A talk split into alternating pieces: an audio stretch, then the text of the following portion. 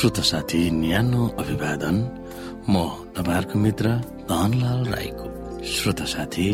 आज म तपाईँको बीचमा बाइबल सन्देश लिएर आएको छु।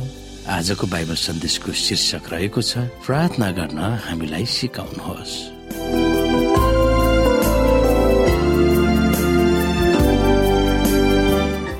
श्रोत साथी यो प्रार्थना गर्न हामीलाई सिकाउनुहोस् भन्ने बाइबल सन्देशमा हामीले अध्ययन गर्नुपर्ने बाइबलका मुख्य पदहरू रहेको छ भजन संग्रहको पुस्तक एक सय पाँच अध्यायको पाँच पद कलसीको पुस्तक तीन अध्यायको सोह्र पद याकुबको पुस्तक पाँच अध्यायको तेह्र पद भजन संग्रहको पुस्तक चौवालिस अध्याय भजन संग्रहको पुस्तक बाइस अध्याय भजन संग्रहकै पुस्तक तेह्र अध्याय र भजन संग्रहको पुस्तक साठी अध्यायको एकदेखि पाँचसम्म। यसै गरी प्रार्थना गर्न हामीलाई सिकाउनुहोस् भन्ने बाइबल सन्देशमा हामीले सम्झाउनु पर्ने पद रहेको छ लुका एघार अध्यायको एक पद। यहाँ लेखिएको छ एक समय यसो कुनै एक ठाउँमा प्रार्थना गरिरहनु भएको थियो। जब प्रार्थना सक्नुभयो उहाँका चेलाहरू मध्ये एकजनाले उहाँलाई भने योहन्नाले आफ्ना चेलाहरूलाई प्रार्थना कसरी गर्नुपर्छ भनी सिकाए। हे प्रभु हामीले पनि प्रार्थना गर्नुपर्छ सिकाउनुहोस्। श्रोता प्रार्थनाको बारेमा विभिन्न धर्म र इसाई धर्ममा पनि विभिन्न धारणाहरू छन्। ती अवस्थाहरूमा कतिपयले प्रार्थना गर्नु भनेको कसैले रचिएको मन्त्र जप वाक्य वा पुकारहरू दोहोऱ्याइरहनु जुन व्यक्तिगत मानिसको भित्री हृदयबाट होइन। प्रार्थनालाई भित्री हृदयको पुकार भन्दा कुनै धर्मगुरु वा धार्मिक अगुवाले रचेका धार्मिक विधि वा उच्चारण पूरा गर्न औपचारिक प्रक्रियालाई निरन्तरता दिनु भनेर कतिपय मानिसहरूको धारणा छ। मानौ आज मैले केही मन्त्र स्तोत्र वा उपासनाका वाक्यहरू उच्चारण गरे।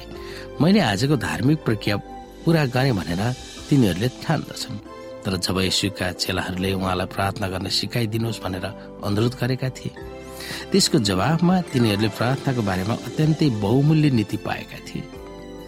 तिनीहरूका जीवनमा यसुले सिकाउनु भएको प्रार्थना नै तिनीहरूका निम्ति ठूलो इनाम भएको थियो। परमेश्वरले बाइबलको मुटुमा वा मध्य भागमा प्रार्थनाको पुस्तक राखिदिनु भएको छ। जुन भजन संग्रह हो यो पुस्तक केवल पौराणिक समयका मानिसहरूको निम्ति मात्र नभएर आज पनि हामीलाई कसरी प्रार्थना गर्ने भन्ने नीतिहरूलाई सिकाउन काव्य शैलीमा राखिएको छ। प्रारम्भिक युगदेखि नै परमेश्वरका जनहरूको जीवनमा प्रार्थनाले ढालिएको थियो। यसमा भजन संग्रह बाहेक यसुले सिकाउनु भएको प्रार्थना पनि हो। भजनहरूले परमेश्वरका जनहरूको यात्राको जीवनमा र उहाँसँगको सम्बन्धमा अघि बढ्न सहयोग गरेको थियो भनेर यस अध्यायहरूमा हामी निहाल्छौँ। श्रोत साथी भजन संग्रह प्रार्थना हो भनेर हामीले बुझ्नु पर्दछ यो धार्मिक दृष्टिकोणले महत्वपूर्ण छ। तर यसमा ती आत्मज्ञानका दिव्य चक्षुहरू छन् जसले व्यक्तिगत र सामूहिक जीवनमा आत्मिक सम्पन्नता प्रदान गर्दछ। ती भजनहरू आत्मसात गर्न सकिएमा व्यक्तिगत र सामूहिक जीवनमा परिवर्तन गर्न सकिन्छ। भजन संग्रहको पुस्तकबाट प्रार्थनाहरू उतारेर चल्दा प्रभुका भक्तजनहरू सार्थक जीवन बिताउन सकेका थिए। तिनीहरूले आफ्नो प्रार्थनाको जीवन कसरी स्थापना गर्ने र अर्थमूलक प्रार्थनामा कसरी सफल पाउने भनेर त्यस भजनको पुस्तकले सहयोग गरेको थियो। हामीले भजन संग्रहको बारेमा ज्ञान पाउन हामीले निरन्तरता दिनेछौँ र दिनु पर्दछ विशेष गरेर कठिन परिस्थितिमा हामी गुज्रनु पर्दा ती भजनहरूले कसरी सहयोग गर्न सक्दछ भनेर हामीले निहाल्छौँ। श्रोत साथी जब जब हामीलाई कठिनाई समस्या विभिन्न खालका चुनौतीहरू हाम्रो माझमा देखा पर्छ तब हामी प्रार्थनाद्वारा परमेश्वरसँग पुकारा गरेर ती चिजहरूसँग सामना गर्न सक्नेछौँ। ताकि भजन संग्रहमा भनिए जस्तै हामीले उहाँको महिमाको निम्ति प्रार्थना स्तुति भजन प्रशंसा गर्नुपर्दछ। जब हामी भजनको पुस्तक हेर्न सक्छौँ जहाँ भजनको पुस्तकमा विभिन्न खालका स्थिति प्रशंसाहरू चढाइएको कुराहरू छन्। सुखको बेलामा दुःखको बेलामा हर समय परमेश्वरको स्थिति प्रशंसा साथ प्रार्थनाको जीवन त्यहाँ हामी बिताएका हेर्न सक्छौँ। हामीले अगाडि नै भनेका छौँ श्रोता।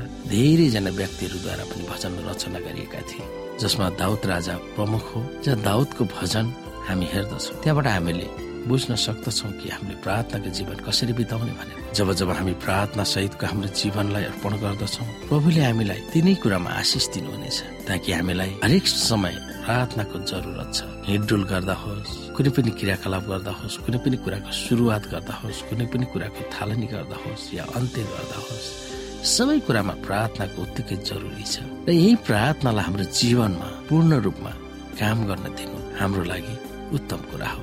तिनै कुरामा हामी विचार गर्न सक्दछौँ।